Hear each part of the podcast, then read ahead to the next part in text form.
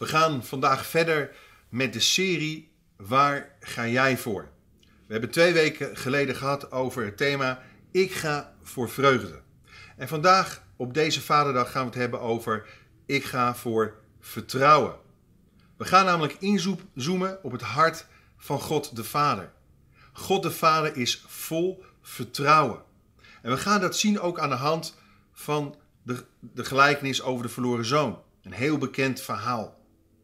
Daarin laat Jezus zien wie God de Vader voor ons wil zijn. Hoe Hij werkt. Vanuit vertrouwen. Het mysterie van de Vader is namelijk dat Zijn liefde zo enorm groot is, overvloedig groot, dat Hij niemand dwingt om Hem lief te hebben.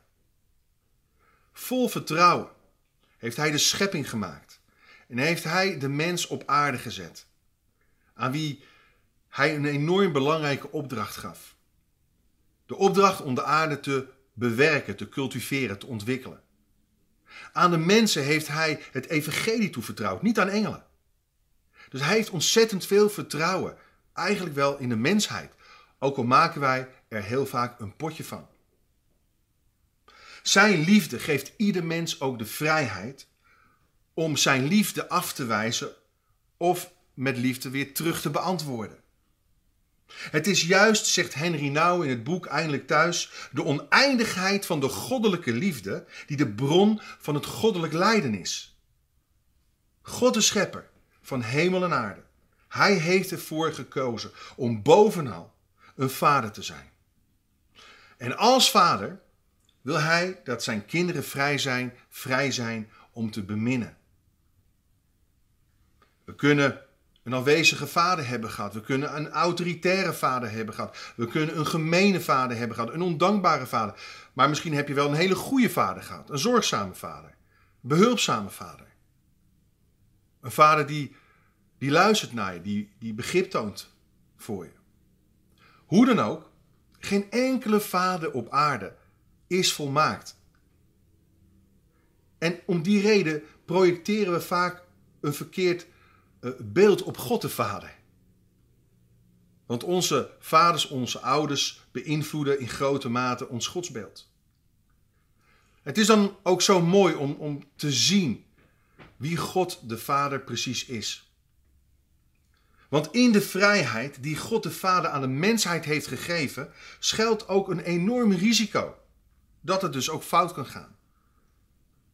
En die vrijheid sluit de mogelijkheid in dat zij het uiterlijk ouderlijk huis verlaten, zoals die jongste zoon besluit naar een ver land te gaan en alles kwijt te raken.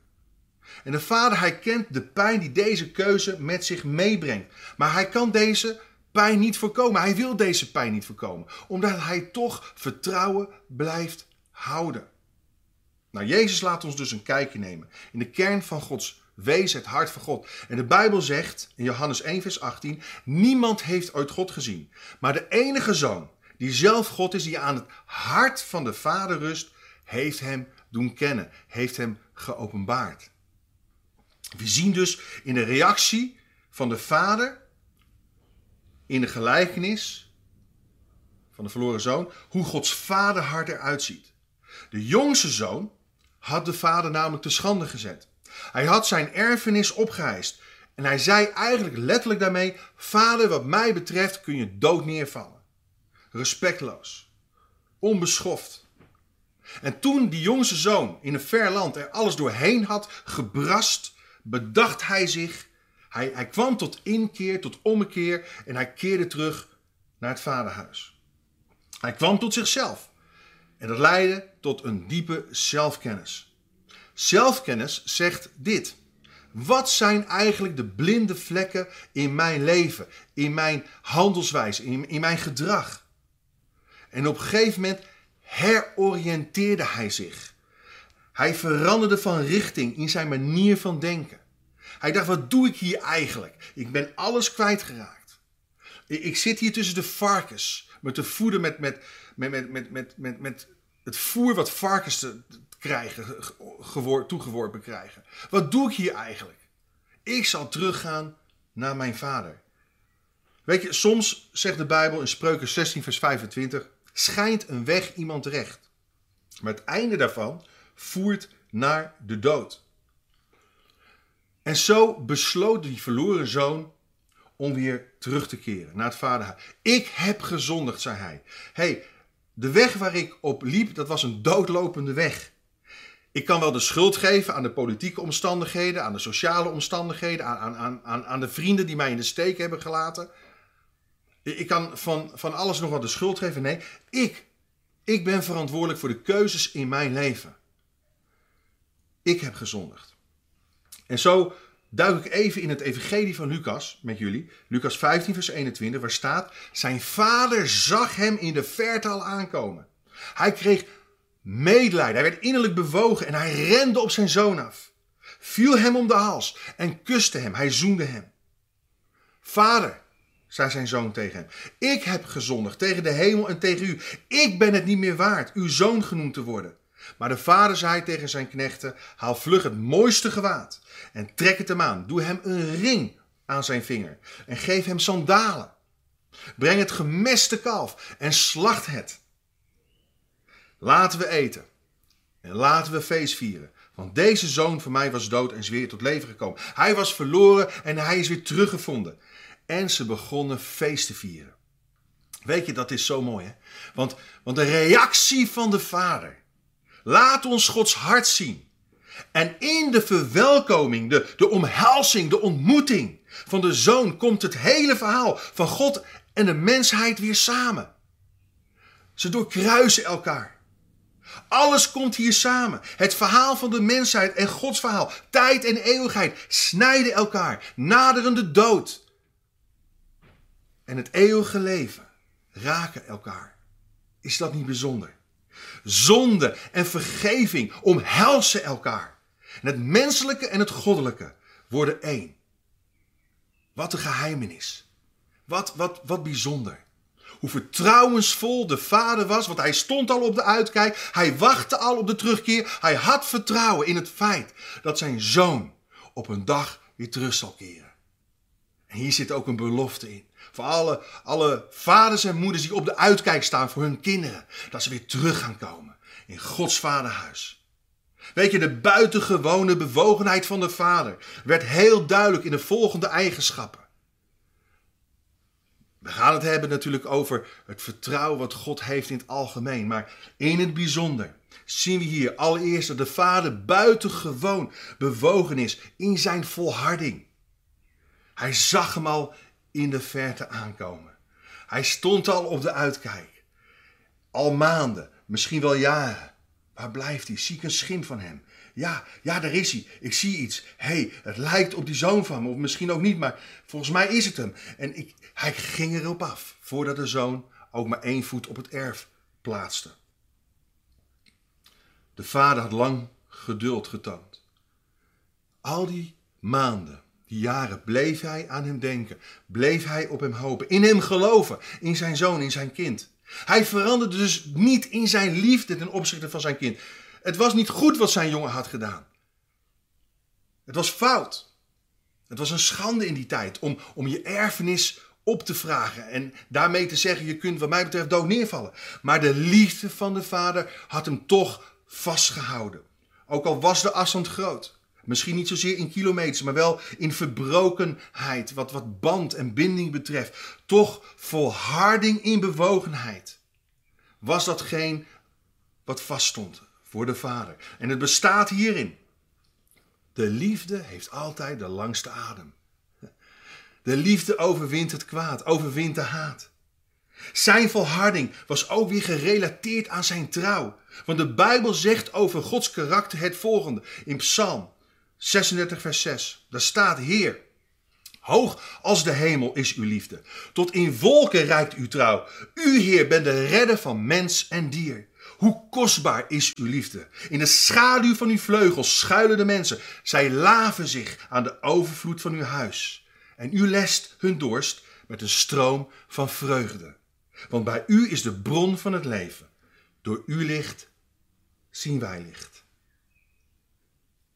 tweede aspect van de Vader, de tweede V, is niet alleen die van volharding, vertrouwensvol volharden, maar het is ook de vee van verzoening. De vader is buitengewoon in zijn verzoening. Hij rende op hem af. Hij viel hem op de hals, om de hals en hij zoende hem. Ik zal je dit zeggen, weet je, een, een oude man in die tijd, die zich waardig gedroeg, die status had, rende niet. Nee, die, die persoon die wandelde iemand tegemoet. Met een langzame tred. Die ging niet rennen. Dat, dat, was, dat was nadan. Dat, dat was niet waardig. In de Joodse traditie was het zelfs zo dat hoe langzamer je jezelf voortbewoog, hoe meer status en, en aanzien je had. Dus wat de vader hier doet, dat deed je niet in die tijd. En helemaal niet als je kind jou voor dood had verklaard. Dus Jezus laat hier zien hoe God de Vader is.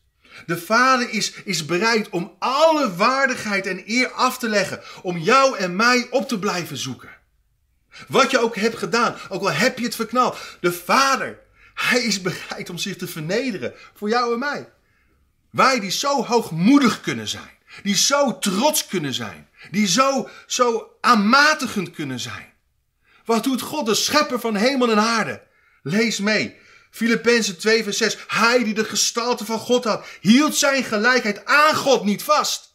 Hij klampte zich niet vast aan zijn rechten, aan zijn positie. Hij deed er afstand van. Hij nam de gestalte aan van een slaaf en werd gelijk aan een mens. En uiteindelijk werd hij gehoorzaam tot aan de dood van het kruis. Jezus. Hij werd de verloren zoon om een verloren mensheid met God de Vader te verzoenen. God de Vader is buitengewoon in zijn verzoening. Hij zoende als het ware letterlijk de zonde. Hij die geen zonde had gekend, werd tot zonde gemaakt. Om de wereld met zichzelf te verzoenen. Weet je, dat beeld zie je zo mooi hierin uitgedrukt. De vader, hij zoende in een omhelzing zijn zoon.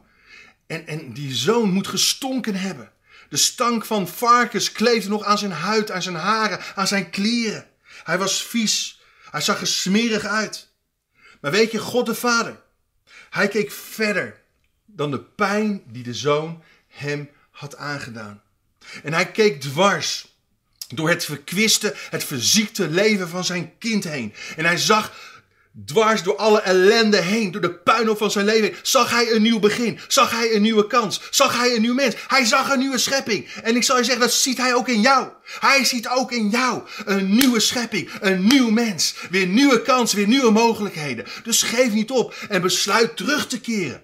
Besluit terug te keren. Misschien ben je afgedwaald. Misschien, misschien ben je lauw geworden. Door in deze corona-ellende. In deze coronatijd. Je, je, bent, je bent misschien verzwakt. Wat het ook mogen zijn. Keer terug. De Vader wacht op je. Want Hij ziet een nieuw begin. Een nieuw mens. Weet je, ook al hebben wij God niets aan te bieden. Hij biedt ons alles aan wat Hij wel heeft. Weet je, de logica van de schriftgeleerden en fariseeërs. En luister goed, Jezus vertelt deze gelijkenis in deze context. Dat de schriftgeleerden en fariseeërs gericht waren op, op regeltjes, op wetten, alleen maar ten behoeve van de ingewijden en de hoeren en de tollenaars en de mensen die ver van God waren, die werden gemeden, die werden veracht. En Jezus laat zien hoe belangrijk het verloren is. Hoe belangrijk mensen zijn die nog niet thuis zijn gekomen. Die nog niet in Gods huis zijn gekomen. Die nog niet in Gods koninkrijk zijn gekomen. Dus de logica van de schriftgeleerden was deze. Breek hem, boontje komt om zijn loontje. Maar de logica van God de Vader is: buig over hem heen en breng hem thuis. Onthaal hem in vreugde. Verzoen je. Dat wil niet zeggen, nogmaals, dat God de Vader alles door de vingers ziet. Dat wil niet zeggen dat er dingen niet moeten veranderen, zich niet mogen ontwikkelen. Maar dat wil zeggen dat de basis van Gods vaderhart deze is. Hij wil altijd zichzelf verzoenen met jou en mij. Daarom beleid je zonde, erken je zonde en dan zal je vergeving ontvangen. Want het bloed van Jezus Christus reinigt ons van alle, alle kwaad en alle onreinheid. En we mogen schuilen bij de Vader. Hij omhelst ons. Hij verwerpt ons niet. Hij stoot ons niet af als we bij hem terug willen komen. En de verzoening van de Vader, dat is het mooie. De verzoening van een vader voorzag in voorziening. Altijd. Als God verzoent, dan voorziet hij in dat wat er ontbreekt. Het ontbrak zijn zoon. Op dat moment toen hij kwam. Hij terugkeerde aan bevestiging. Het ontbrak hem aan, aan, aan een duidelijke identiteit. Het ontbrak hem aan zekerheid en veiligheid. En weet je, het gewaad dat hem wordt aangetrokken, die ring die hem wordt aangedaan, die sandalen aan zijn voeten zijn allemaal daar symbolen van. Van het ontvangen weer van een nieuwe identiteit, een nieuwe status, een, een, een, een, een kleed van, van gerechtigheid, van redding, het kleed van heil. De ring van autoriteit, de sandalen van het zoonschap werden hem aangetrokken. Hij werd opnieuw bevestigd als kind van zijn vader. En dan ten derde, eigenlijk de, de derde V. De vader is buitengewoon in zijn vrijgevigheid. Weet je, als wij geven is het vaak toch altijd van ja maar, ja maar, het is van mij. Het is, wil ik het wel? Maar de vader is zo niet. Hij is buitengewoon in zijn vrijgevigheid. Het mooiste gewaard staat, het mooiste werd gehaald. Een ring om zijn vinger en sandalen aan zijn voet. Het gemessen kalf, dat was het beste kalf. Het beste wat God had, offerde hij op voor zijn zoon. Om hem weer thuis te ontvangen. In volle vreugde, in gulheid. God de Vader is niet gierig, hij is gul. Hij is niet karig, hij is mild. En in deze vrijgevigheid kon er ook oprecht en intens feest gevierd worden. Feest gevierd worden. God is een God ook van feest. Ja, ook in de kerk, lieve mensen. Ook in de kerk mag het een feest zijn. Er is geen terughoudendheid, maar er is openheid om het wonder van herstel, het wonder van redding te vieren, te, te waarderen. Weet je, hij had kunnen denken, ja, mijn zoon heeft al zoveel geld verkwist. Hallo, doei, ik geef geen cent meer uit. Niks, geen feest. Ik stel hem gewoon gelijk aan een van mijn dagloners en hij verdient elke cent maar weer terug. Deze gedachte moet misschien wel stiekem bij de fariseeën zijn opgekomen. Waarom geld uitgeven aan het verlorene? Waarom geld uitgeven aan dit en dat? Zonde van het geld. En weet je hoe snel, hoe makkelijk raakt ons hart wel niet gevangen door berekenendheid, door gierigheid, door argwanendheid. Maar Gods liefde is grenzeloos vertrouwend en onberekenend geld uitgeven om verloren zonen en dochters thuis te kunnen ontvangen is geen uitgave, maar een investering. dat geldt ook voor ons als gemeente, lieve mensen. Als we mensen willen bereiken buiten onze vier kerkmuren, dan zullen we moeten investeren. In apparatuur, in goede voorzieningen, in mensen, in materialen. En weet je, de reactie van de vader bij de terugkeer van die oudere broer is ook opmerkelijk.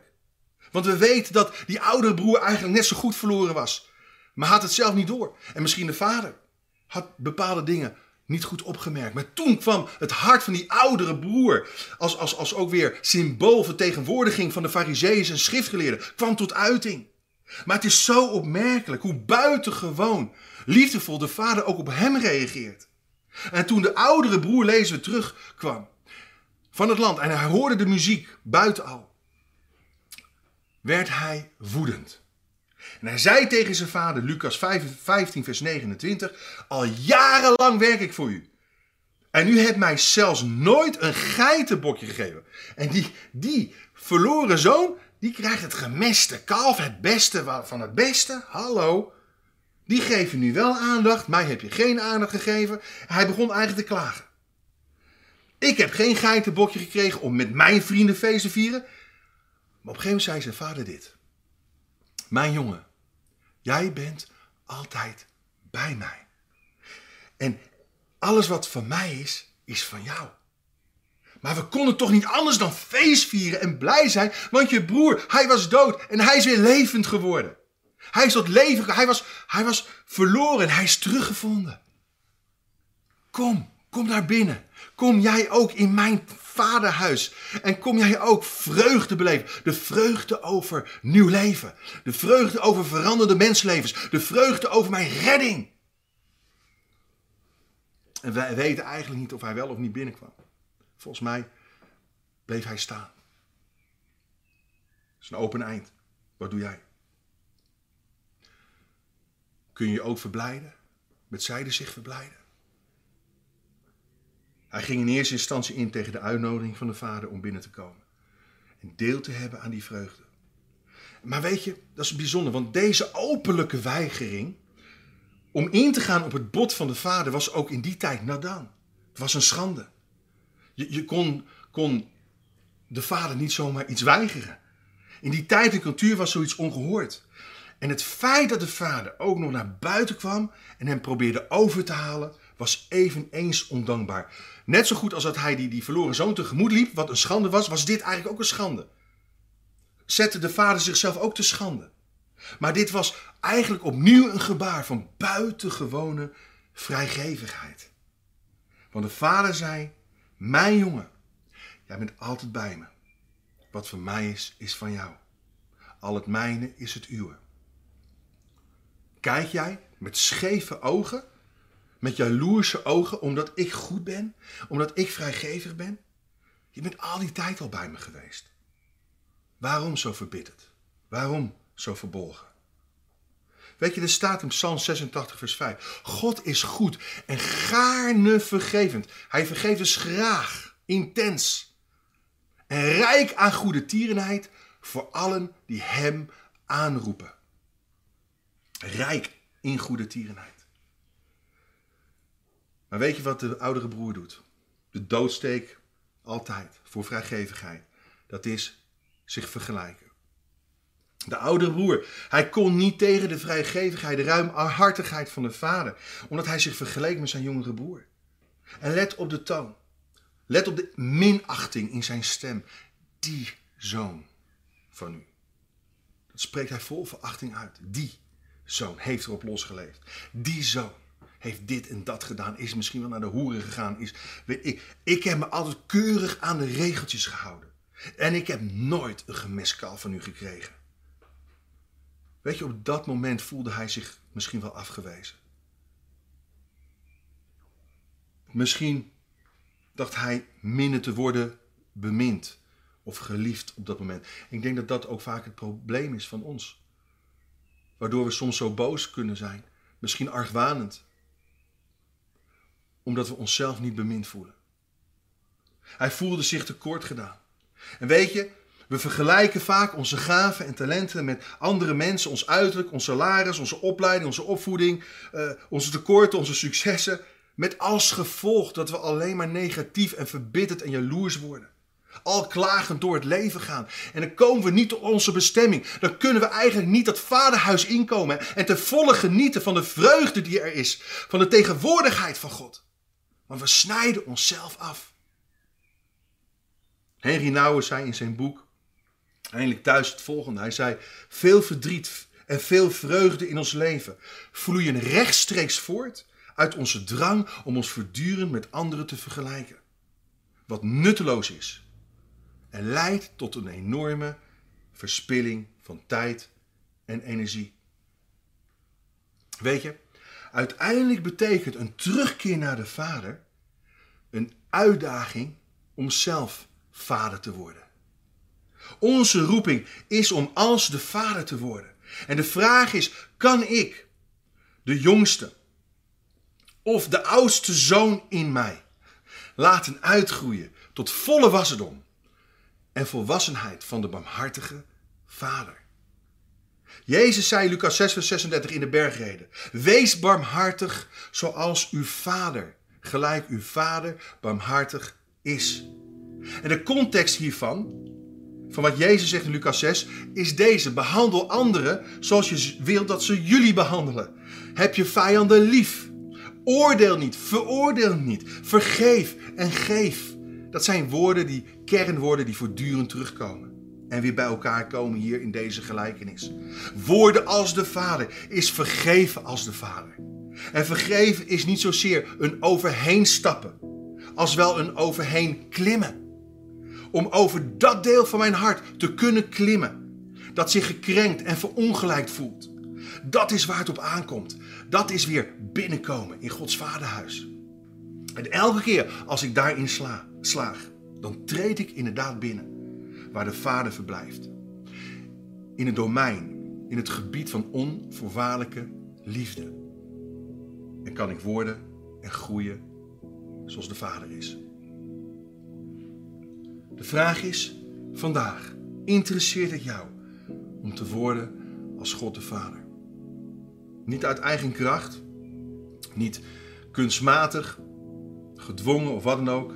Nee, maar stel ik mijn hart open. Wil ik enkel woorden vergeven, maar niet zelf vergeven? Wil ik zelf wel thuis kom elke keer geheten worden, maar ik wil anderen niet meenemen. Zodat anderen zich ook thuis kom, thuis gevoeld kunnen, kunnen verwelkomd kunnen worden. Hoe zit het met mij? Wil ik, wil ik alleen maar het welkom voor mezelf houden of anderen daarin meenemen? Wil ik enkel mededogen ontvangen voor mezelf, begrip voor mezelf, maar niet zelf mededogen en begrip geven aan anderen? Wil ik zelf enkel geliefd worden, bemind worden, maar zelf niet lief hebben en dat risico nemen om misschien wel afgewezen te worden? Wil ik zelf gevonden worden, maar ik wil andere verloren niet helpen te zoeken om gevonden te worden? Hoe zit het met ons? Hoe zit het met mij? Weet je, God ziet naar jou uit om van jou een man, een vrouw van volharding, van verzoening en vrijgevigheid te maken. Zodat je steeds meer het hart van de Vader mag reflecteren, weerspiegelen hier op aarde. Hij, je mag een reflector zijn van Gods vaderhart. Of je nou een, een, jonge vrouw bent of een jonge man. Dat maakt niet uit. Een oude, oude vrouw of een oude man. Een, een, jongen of een meisje. Je mag Gods vaderhart weerspiegelen. Door in deze eigenschappen, die drie V's, te groeien. En je daarin te ontwikkelen. Door de kracht en de werking van de Heilige Geest. In jouw leven. Ik wil hiermee zegenen. Met deze woorden. Zullen we heel, heel kort even bidden. Als je bent aangesproken door deze prediking en je wil een keuze maken om God de Vader te kennen door Jezus Christus aan te nemen, dan mag je dat ook online via de chat aangeven. Ik kies voor Jezus. Ik wil worden zoals Jezus is, zoals God de Vader is, zoals God de Heilige Geest. Ik wil groeien in mijn geloof.